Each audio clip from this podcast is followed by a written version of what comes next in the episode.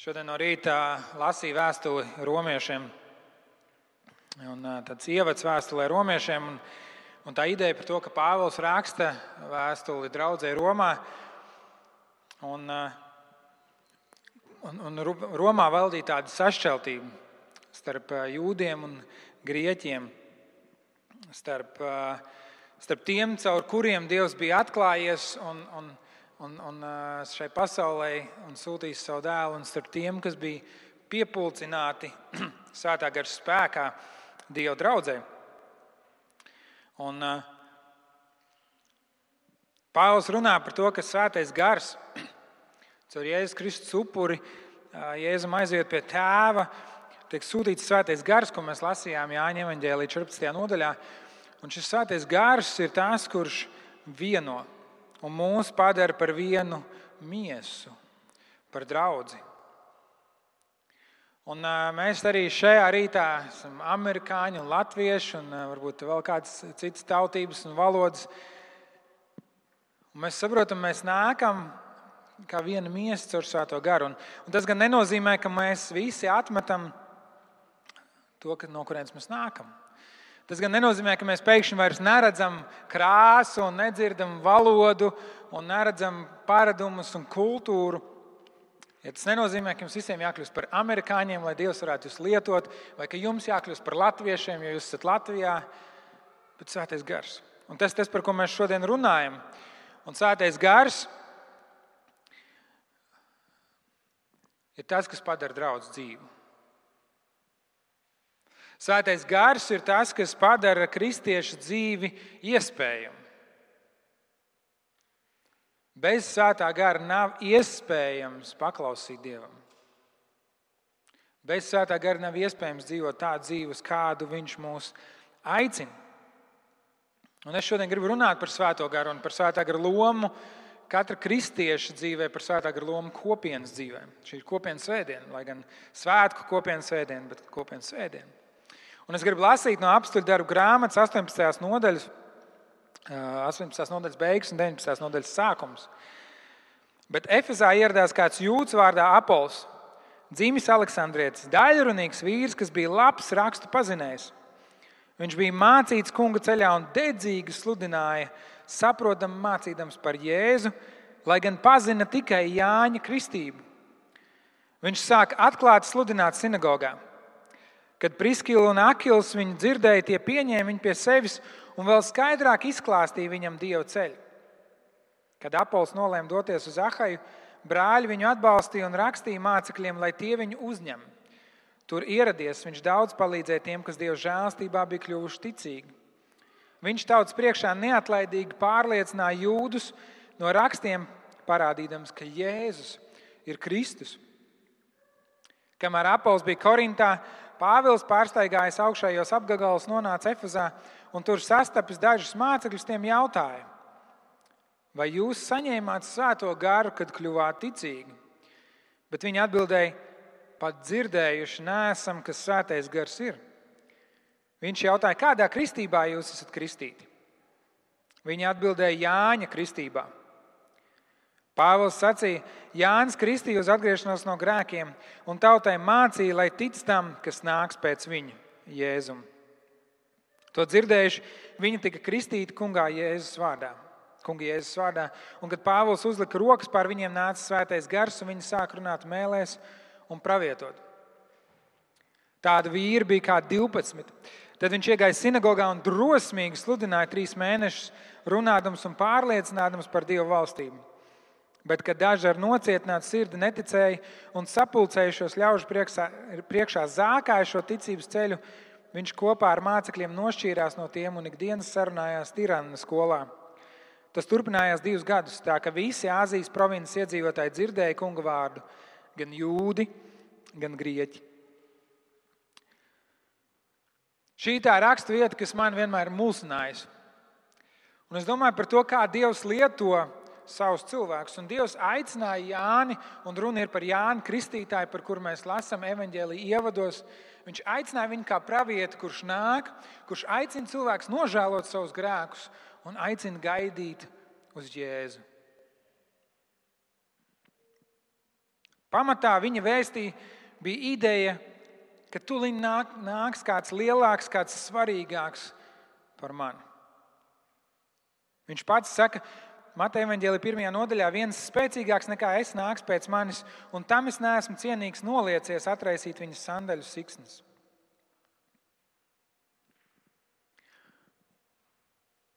Un es domāju par to, kā varbūt kā apstuļu laikā bija cilvēki, kuri bija dzirdējuši par Jēzu, bet nebija piedzīvojuši Svēto garu.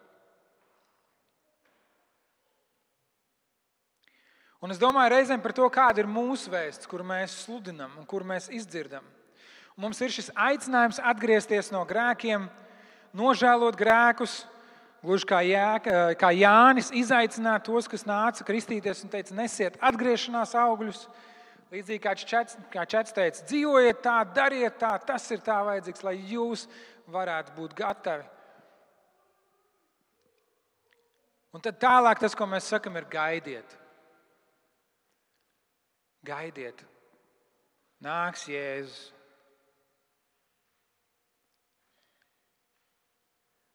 Un tad es domāju kādreiz par savu dzīvi, par, par mūsu kristiešu dzīvi. Un es saprotu, ka mēs reizēm dzīvojam tādā gaidīšanā. Mēs esam saņēmuši šo vēstu par grēku piedošanu.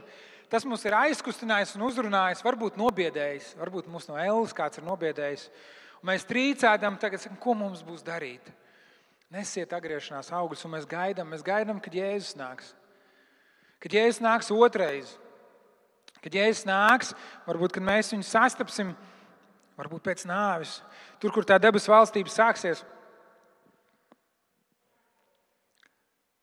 Svētais gars ir šeit. Svētais gars ir nācis, svētais gars ir izlietis pār draugu. Svētais gars ir dots ticīgajiem. Dieva valstība jau ir piedzīvojama, viņa spēks ir saņemams. Dievs ir pazīstams, Viņš ir aizsniedzams. Mums nav jāgaida. Kad Jēzus tika pacelts debesīs, viņš mācekļiem teica, ejiet uz un gaidiet, kad spēks, spēks nāks pār jums, un spēks nāca. Un Pāvils apstuļu darbos viņš pasludina un runā par to, ka Jēzus ir ne tikai atnācis, ne tikai nomiris, ne tikai augšām cēlies, bet viņš ir devis svēto, vārdu, svēto garu. Caur šo vēsti nāk spēks, un mēs redzam izmaiņas. Mēs redzam izmaiņas cilvēkos, mēs redzam pārmaiņas draudzē. Un kādi pievērš uzmanību tam, kas rakstīts, un saka, nu, ja tās pārmaiņas bija, viņi sāk runāt mēlēs un pravietot. Tad viss baptisti nopušas. Mēs to esam atstājuši vasaras vai draugiem kādām harizmātiskām draudzēm. Un reizē mēs uzkaramies uz šīm ārējām izpausmēm, mēlēs, runāšanu, pravietošanu. Un ir kādi kristietības novirzieni, kur uzskata, ka katram ticīgajam nepieciešama svētā gara kristība kā atsevišķs notikums, lai šīs lietas varētu notikt. Bet apstuļu darba desmitajā nodaļā mēs redzam, ka ka svētais gars nāca vēl pirms kāds varēja rokas uzlikt, vēl pirms kāds varēja nokristīties ūdenī. Svētais gars nāca un piepildīja ticīgo sirdis. Mēs redzam, ka Dievs caur savu garu dibina draugu.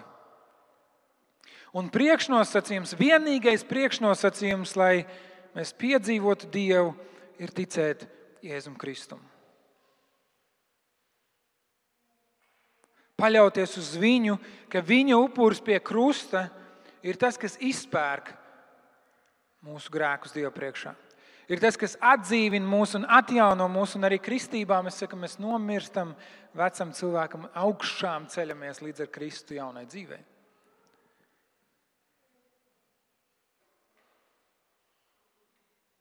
Dievs ir tas, kurš ceļ savu draugu. Caur savu svēto garu. Un tas, ka mums vairāk vajadzētu pievērst uzmanību, nevis šīs ārējās izpausmes, kā, kā runāšana, mēlēs vai pravietošana, kam ir sava vieta un nozīme kristiešu dzīvē, bet mēs redzam iekšējas pārmaiņas cilvēkos. Un tā ir drosme. Tā ir drosme.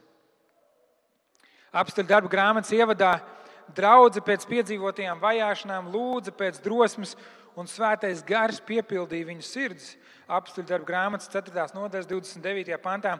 Redzi, kungs, kā viņi tagad draud. Dod saviem kalpiem droši runāt tavu vārdu, lai tava roka izstiepjas, dziedināt un zīmes un brīnumu, lai notiek caur tavu svētā kalpa Jēzus vārdu. Un, kad viņi bija beiguši lūgt, vieta, kur bija sapulcējušies, nodrebēja, un visi kļuva svētā gara piepildīti un droši teica Dievu vārdu.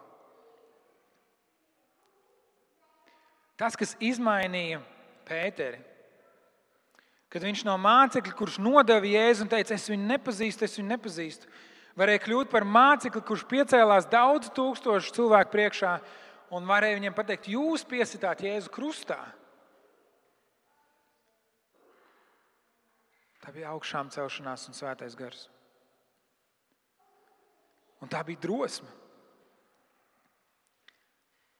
Vai mēs lūdzam pēc drosmes? Drosmes paklausīt Dievam. Jo ir bail.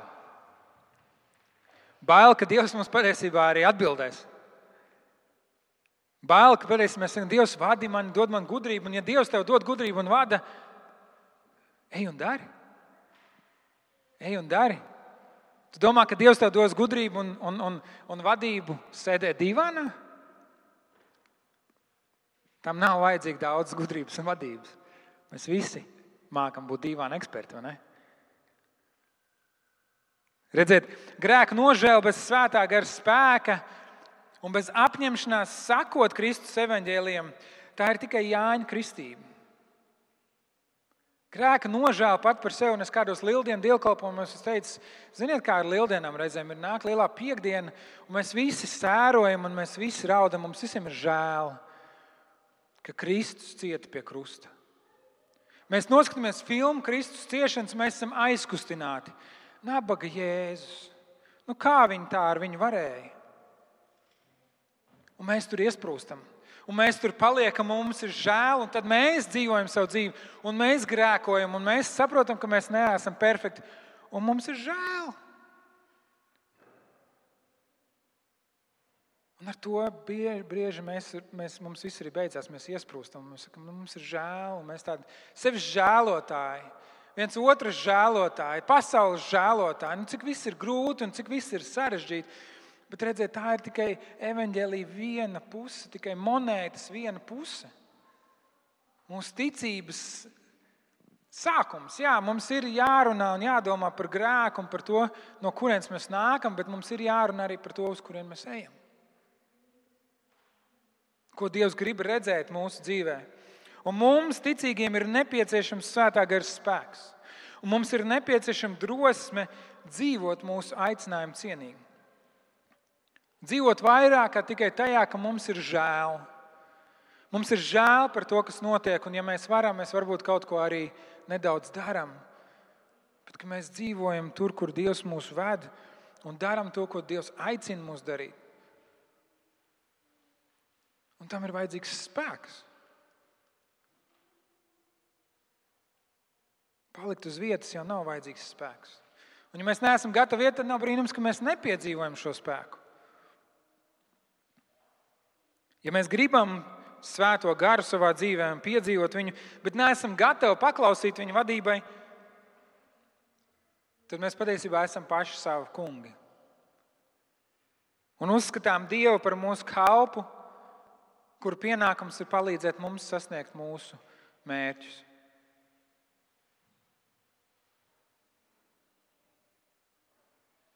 Un tā ir vēsts, kas iet pretēji Un tā ir vēsts, kas iet pretēji mūsdienu kultūrai, kur centrējās uz cilvēku, uz individu, uz to, ko tu gribi sasniegt, uz to, ko tu gribi izdarīt. Un kas ir tavi resursi un instrumenti, kurus tu vari lietot, lai to izdarītu? Un bieži cilvēki atrod garīgumu, bieži cilvēki atrod kaut kādu resursu arī baznīcā, arī draudzē. Bet tā fundamentālā ideja nav mainījusies. Mēs gribam celt savu valstību.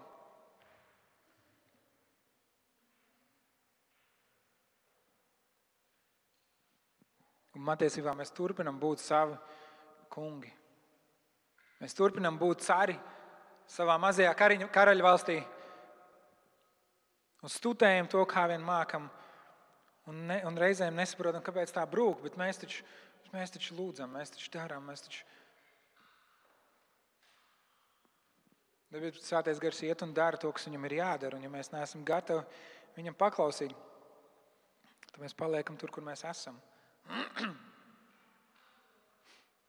Jākap vēstulē, Jākaps ļoti bārgi raksta par to. No kurienes kāri un no kurienes cīņas jūsos? Vai ne no tieksmes pēc baudām, kas karo jūsu locekļos? Jūs iekārojat,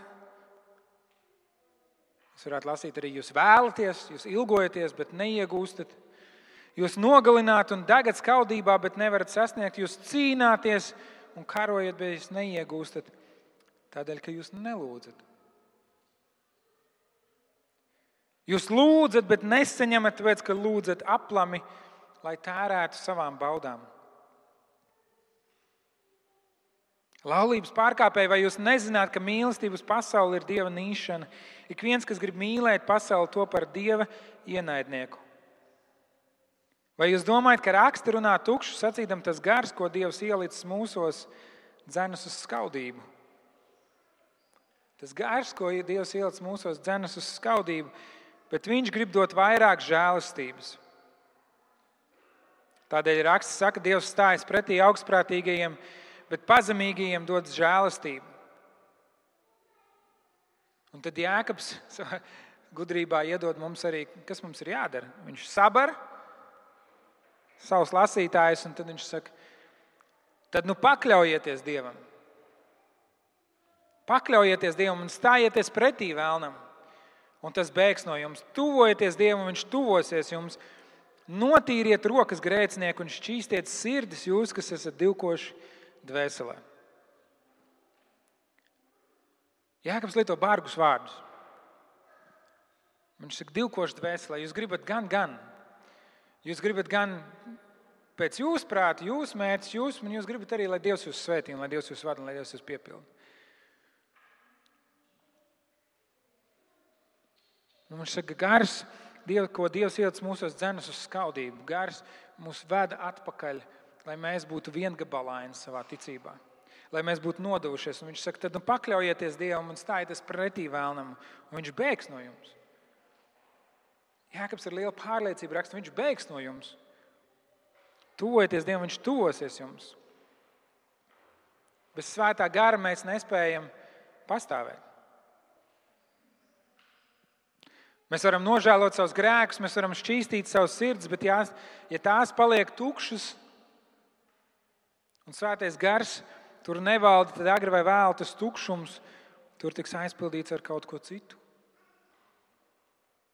Teiciens pasaule nemīl ja, tukšumu, daba nemīl tukšumu. Lūks evanģēlijā. Jēzus runā par cilvēku dzīvi un pārmaiņām tajā. Un viņš saka, ka nešķītais gars ir izgājis no cilvēka, tas apstaigā izkaltušas vietas, meklējams mieru, un to neatradis. Saka, es atgriezīšos savā mājoklī, no kur izgāju. Atnācis, viņš to atrod izslaucītu un uzpostu, tad viņš iet un ņem sev līdzi septiņus citus garus par sevi vēl ļaunākus, un iegājuši tie tur mājo. Un beigās šim cilvēkam kļūst daudz ļaunāk nekā bija sākumā.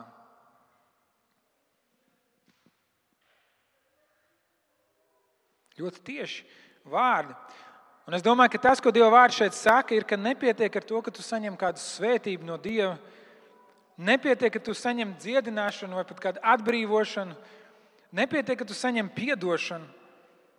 Ir nepieciešams, nepieciešams, ka tu kļūsti par Dieva māju vietu. Ir nepieciešams, ka tu ļauj svētiem garam ienākt savā dzīvē un mājot tur. Nevis vienkārši ienākt un paciemoties šādi tad. Ja. Ātri uzklājam matricītu uz grīdas, svētais gars paliec tajā, tajā kambarī, nē, tajā mūsu guļamistabā arī nē, mūsu naudas maku nerevidē, leduskapī nu, tikai to, kas ir durtiņās, dziļākajos plauktos neaiztiec. Ja? Un nav baigi viesmīlīgi, piekritīsiet. Ne? Un pat runa nav par viesmīlību, runa ir par to, ka svētais gars nāk un dzīvo. Nāk un dzīvo, mājo. Viņš ir saimnieks. Tad, kad Dievs dara kādu svētību tavā dzīvē, un Viņš atbrīvo no tevis no kaut kā, Viņš dziedina, Viņš dara kādu brīnumu, Viņš tevi uzrunā, Viņš dod tev kaut kādu atklāsmu. Ir svarīgi, ka Viņš mājo. Un tur, kur Viņš mājo, tur nekādiem ļauniem gariem nekam vairs nav vietas. Tur, kur ir Dieva klātbūtne, tur, kur ir Dieva gaisma, tur tumsai vairs nav vietas. Un mēs varam piedzīvot, ka Dievs maina mūsu. Un labā ziņa ir tā, ka Dievs ir apsolījis svēto garu. Dievs ir izlējis pār draugu svēto garu, Dievs ir devis svēto garu. Jānis 14, Jāņa Evangelijā 14 raksta Jēzus vārdus un saka, es lūgšu tēvu, un viņš jums dos citu aizstāvi, aizstāvi ar lielo burtu, lai tas būtu pie jums mūžīgi patiesības garu, ko pasaule nevar saņemt, jo tā to neredz, nec pazīst. Bet jūs to pazīstat, jo tas pie jums paliek un būs jūsos. Jānis savā evanģēlijā runā par to, ka viņš un tēvs ir viens, un ka svētais gars nāk un mācīs no tā, kas ir Jēzum, jo tas, kas ir Jēzum, tas ir tēvam. Jānis runā, Jēzus Jāņa evanģēlijā atklāja šo stāstu par trīsvienību, un ja tu pieņem Jēzu savā dzīvē, ir neiespējami, ka svētais gars nav tavā dzīvē. Jo tas ir viens Dievs, viņu nevar nodalīt. Lūkas evanģēlīja 11. nodaļā Jēzus runā par ticīgo un par mācekļu neatlaidumu. Viņš saka, arī es jums saku, lūdziet, un jums tiks dots. Meklējiet, un jūs atradīsiet, klaudziniet, un jums atvērs. Ik viens, kas lūdz, saņem, kas meklē, atrod, un kas klaudzina, tam atver. Vai starp jums ir tēvs, kas dēlam dos čūsku, ja tas lūgs zivi? Vai skorpionu, ja tu slūgs olu. Ja nu jūs samaitātu, būdam zināt, dot saviem bērniem labas dāvanas, cik daudz vairāk jūs tēvs no debesīm dos svēto garu tiem, kas viņu lūdz. Dos svēto garu tiem, kas viņu lūdz. Viņš ir apsolījis, viņš saka, cik daudz vairāk, ja jūs kā vecāki saviem bērniem dodat labas lietas, cik daudz vairāk jūs dabas tēvs jums dos svēto garu. Lūdziet, meklējiet, klaudziniet. Dievs vēlas, lai mēs dzīvojam sētā gara piepildīt dzīvi.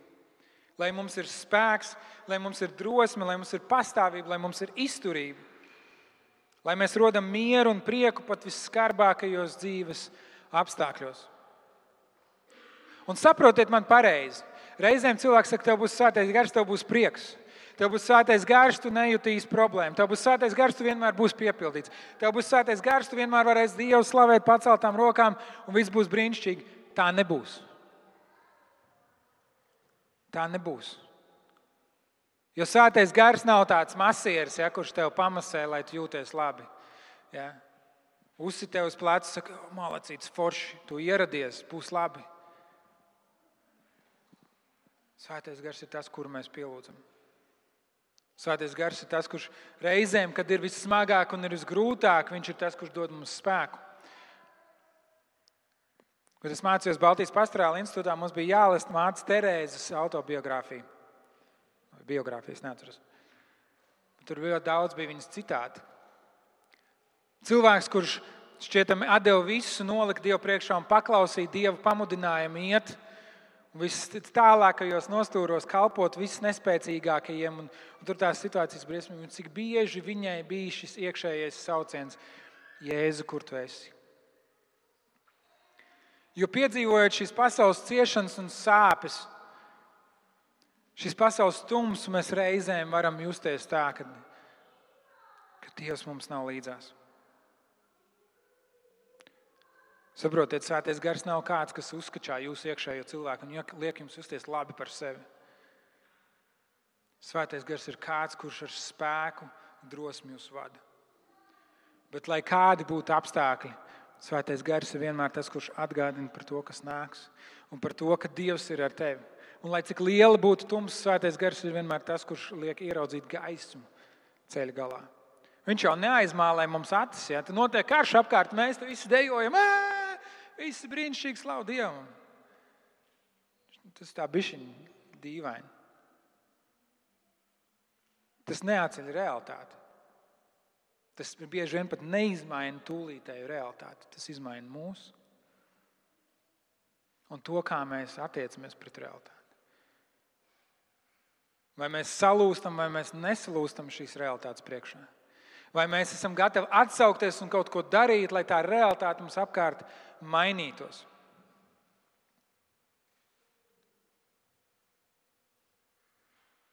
Pāvils raksta vēstuli Thessaloniķiešiem. Un viņš noslēdz savu vēstuli, pirmā vēstuli Thessaloniķiešiem šādiem vārdiem: Mēs lūdzam, brāļi, lai jūs izturētos atzinīgi pret tiem, kas nopuls jūsu labā un kas ir jūsu priekšstāvi kunga darbā un jūs pamāca.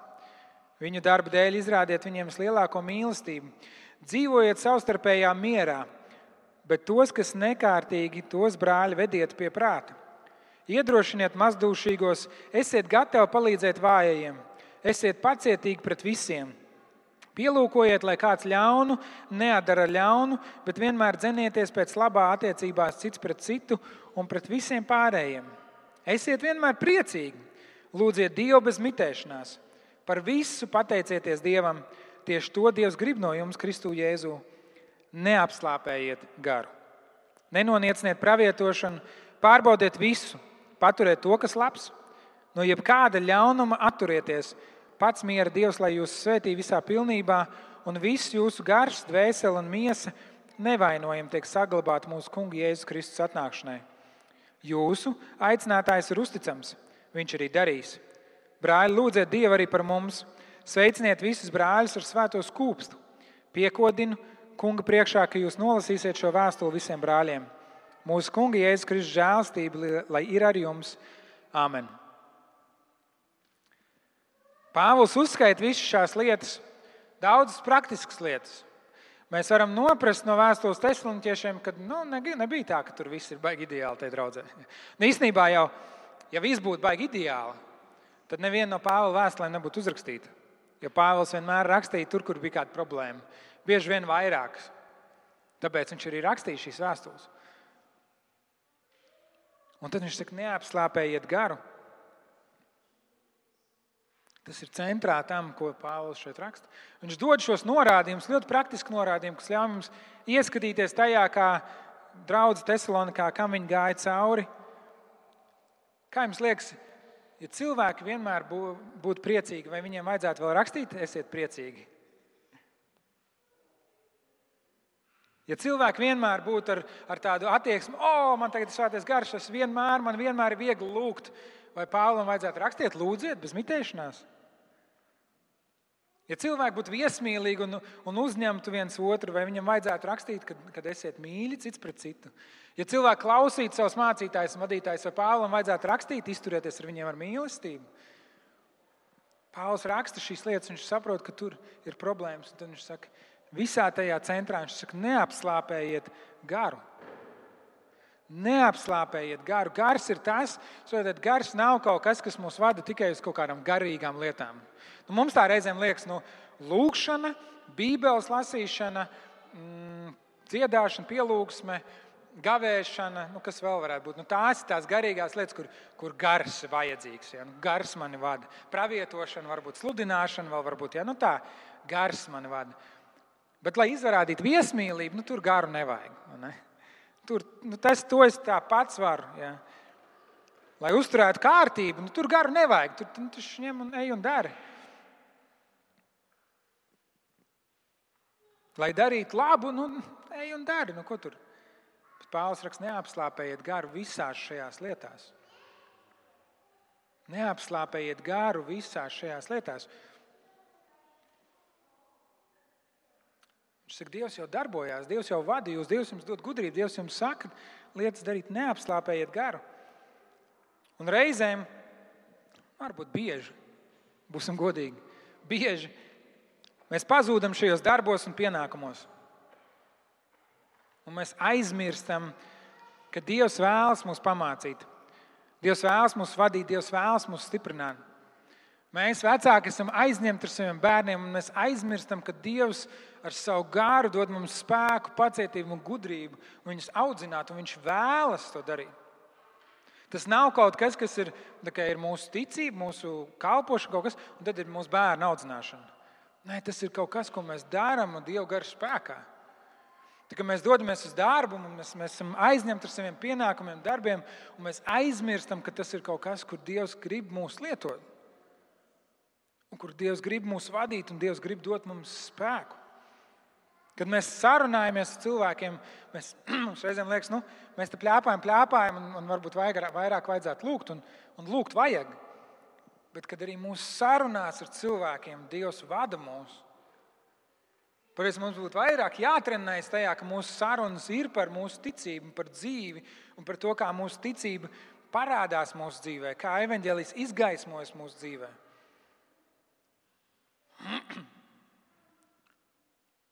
Dievs vēlas, lai mēs dzīvojam ar svētā gara piepildītu dzīvi. Dievs vēlas, lai mēs neapslāpējam garu. Un neaizejot tādās galībās, nu, ka tagad es teikšu, draugs, mums, mums nav svētais gars. Un, Un, tāpēc, ka mēs neesam atsevišķi saņēmuši svētā gara kristību ar roku uzlikšanu, ja, tas, tas lai paliek tiem, kuri to tā ir satvēruši. Bet es ticu, ka svētais gars darbojas mūsu dzīvē. Un svētais gars mums ir pieejams. Un svētais gars vēlas, viņš nav jāpierunā, viņš vēlas to darīt. Un es to esmu piedzīvojis savā dzīvē, es to esmu piedzīvojis mājvietas draudzēs, es piedzīvoju to caur jums, daudziem no jums. Tomēr rakstos mēs redzam, ka garu var apslāpēt, ka garu var ignorēt. Un es domāju, ka mēs reizēm esam apslāpējuši garu savā nedrošībā, varbūt savā vienaldzībā kaut kur, varbūt bailēs. Bailēs no nezināmā, bailēs no pārdabiskā, bailēs no, no tā, ka mēs nebūsim tie, kas kontrolējam savu dzīvi. Varbūt mēs esam apslāpējuši garu tādā neizpratnē par to, kas ir gars un kas ir viņa uzdevums. Mēs esam redzējuši, varbūt kāds video vai varbūt klātienē, ka kur kaut kāds dīvains izpausmes un kaut ko neizprotam. Mums liekas, pagaidi, ja tas ir sāties gars, tad, tad es to negribu. Mēs esam Baptistu draugi, mums tā nav pieņemts. Bet Baptisti vai nē, Dievs ir, ne, Dievs ir nemainīgs. Tēvs, dēls un svētais gars. Svētais gars ir Dievs. Un, ja mēs sakām, ka mēs ticam, tad mums ir jātic pilnīgam Dievam.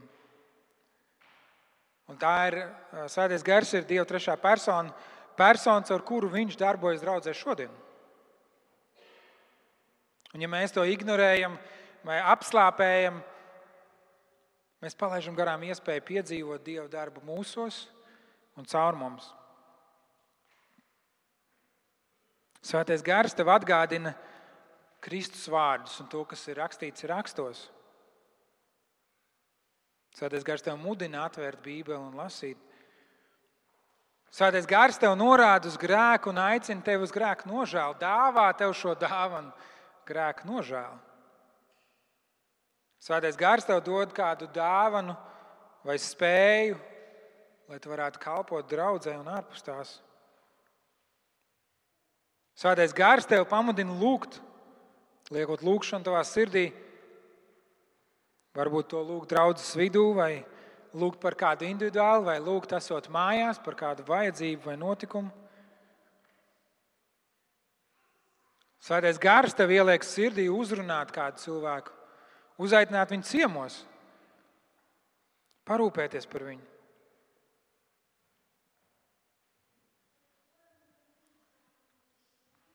Svētais gars tev liek sirdī būt par svētību. Svētīt finansiāli, svētīt ar savu darbu, ar savu klātbūtni vai kā citādi. Un vēl daudz un dažādi veidi, kā svētais gars darbojas mūsu dzīvēm. Svētais gars pielāj tavu sirdi ar pateicību.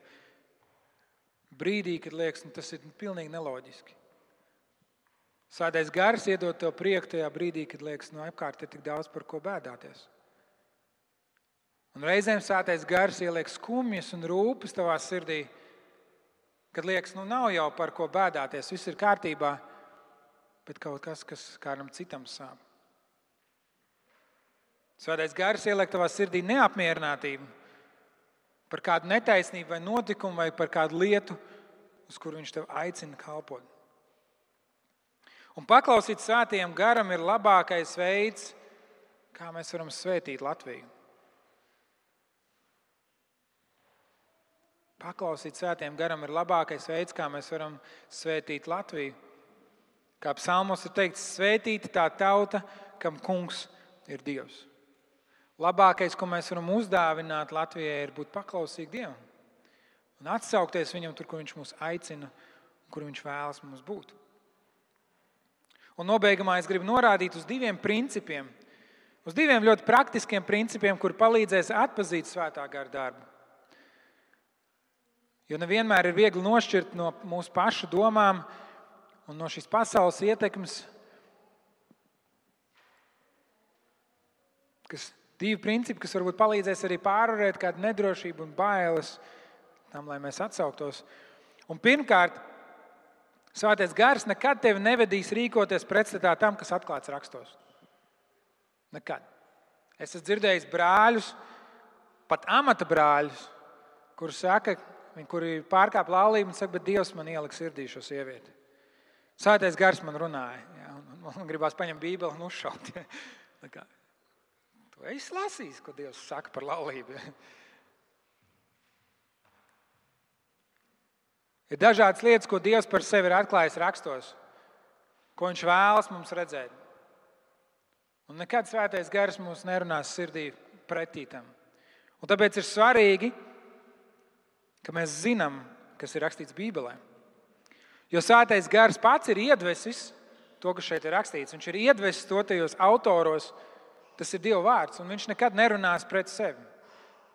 Jā, citreiz mēs dzīvojam tādā schizofrēnijā, liekas, nu, Svētais gars atsūtīja vēstuli, pieņemsim, ja. atsūtīja vēstuli, te viņš ierakstīja tā, bet pēc tam viņš piezvanīja un teica kaut ko citu. Ja. Svētais gars tā nekad nedarīs. Un, ja tev ir kaut kāda pārliecība par to, ko svētais gars ir līdz tavā sirdī, pārbaudi, vai tas saskan ar rakstiem. Tas ir svarīgi. Ja, un, un, un ja varbūt tev Dievs ieliek sirdī lūgšanu par kādu, nu, tas nekad nenāks par ļaunu par kādu lūgt. Ja. Svētais gars vai nē, visticamāk, tas ir svētais gars. Bet, bet ja Dievs tev ieliek kaut kādu svarīgu lietu, tādu fundamentālu lietu, kas maina kaut kādu tavu dzīves gājumu, ir svarīgi, ka, ka tu to pārbaudi. Un otrkārt, svētais gars darbojas draudzes kontekstā. Svētais gars nekad neizrauja atsevišķus kaut kādus Teksas Rangers, Sorry, I realize you're from Texas. I was not pointing that at you, but at Chuck Norris. Bet svētais gars nekad neizrauja atsevišķus kaut kādus ranger, rangerus vai supervaroņus un teica, saka, redz, tas būs tas pravietis, kurš tad ir vairāk zina, labāk zina, kuram neviena baznīca, neviens bīskaps, neviens mācītājs nav autoritāte, jo redz, pats svētais gars uz viņu runājas. Mīļā draudzene, es gribu teikt, uzmanieties no tādiem cilvēkiem. Uzmanieties no tādiem cilvēkiem. No cilvēkiem, kuriem nav kopiena apkārt, no cilvēkiem, kuriem nav autoritātes, kuri nepakļaujas draudzes uh, disciplīnai, kuriem vienmēr gars atklāja, Dievs uz mani runāja, Dievs uz mani teica, un tā lietas, kuras reizēm var pārbaudīt. Uzmanieties no tādiem cilvēkiem. Tāpēc, ka Svētais Gars caur savu vārdu ir rakstījis, lai mēs esam lai mēs pakļaujamies cits citam. Svētais gars ir rakstījis savā vārdā, lai mēs esam atbildīgi cits citam. Svētais gars ir runājis par Dievu vārdu, um, par, par Dievu draugu, kas ir kā Dieva līgava, kas ir vienota miesa, kur kāja nevar teikt rokai, tu man neesi vajadzīga. Svētais gars to runājis. Un ir kāds cilvēks, kurš saka, man draugs nav vajadzīga, Dievs runā uz mani patiešo. Uzmanieties no tādiem cilvēkiem. Un arī tad, kad svētais gars runā uz jums, Ļoti praktisks solis. Kopienas svētdienā ļoti iedarīgi. Tad ir svētais gars runā uz jums. Atrodiet cilvēkus, kuriem, kuram jūs to varat līdzdalīt. Brāļus un māsas, vai tā ir kopiena, vai tā ir DNS grupiņa, varbūt tas vienkārši ir draudzē dievkalpojumā. Ja jūs neesat daļa no kopienas, bet ir, es iedrošinu jūs būt, ja jūs neesat līdzi, lai jūs arī neesat viens rančers un viens supervaronis. Bet, ja svētais gars kaut ko runā, līdzdaliet un sakiet, klau, man sirdī ir šis, ko tu par to domā? Ko tu par to saki? Ar, ar tavu skatījumu uz Dieva vārdu, ar tavu skatījumu ticībā uz Dievu. Kā tev liekas, ko Dievs man ar to cenšas pateikt? Un pirmkārt, tu iegūsi skaidrību, jo kādi cilvēki varēs runāt tavā dzīvē. Un tu iegūsi iedrošinājumu, jo brāļa māsas var tevi iedrošināt tajā. Jo tikai kopīgi, tikai draudzes kontekstā mēs patiesi varam izprast, kas ir mūsu Dieva nodoms un Dieva darbs. Kāpēc? Jo Dievs caur savu draugu darbojas šajā pasaulē. Un par draugu es domāju citus ticīgos. Ja mums vietējā izpratnē šī ir māja vieta, tā ir tev kopiena, bet par draugu es domāju citus ticīgos. Mēs esam atbildīgi cits citu priekšā. Mēs esam daļa no draudzes. Kas svētais gars, mēs atpazīstam svētā gara darbu no tā, ka viņš mūsos liks mīlestību pret draugu, mīlestību pret citiem kristiešiem. Jo ir cilvēki, kuriem šķietam ir milzīgs dāvans, kurš šķiltam runā gudras un labas lietas, un tajā pat laikā viņi ritīgi noliek Dieva līgavu. Un man liekas, ja man būtu kāds draugs, kurš teikt, o, Kārlis ir mans labākais draugs, mēs esam ritīgi tuvu un forši, bet viņš reāli visu laiku apkārt runātu slikti par ruti, viņš nekāds draugs man nebūtu. Un ar Dievu līgavu ir tāpat. Nevar būt tā, ka kāds saka, o, Jēzus, es viņu piedzīvoju, svētais gars uz mani runā, bet es tūlīt pat nolieku draugu un saku, o, nē, tas tur viss galīgi garām, tur viss ir briesmīgi, tur viss ir liekuļi un tā tālāk. Tas vienkārši neiet kopā. Esiet uzmanīgi no tādiem cilvēkiem.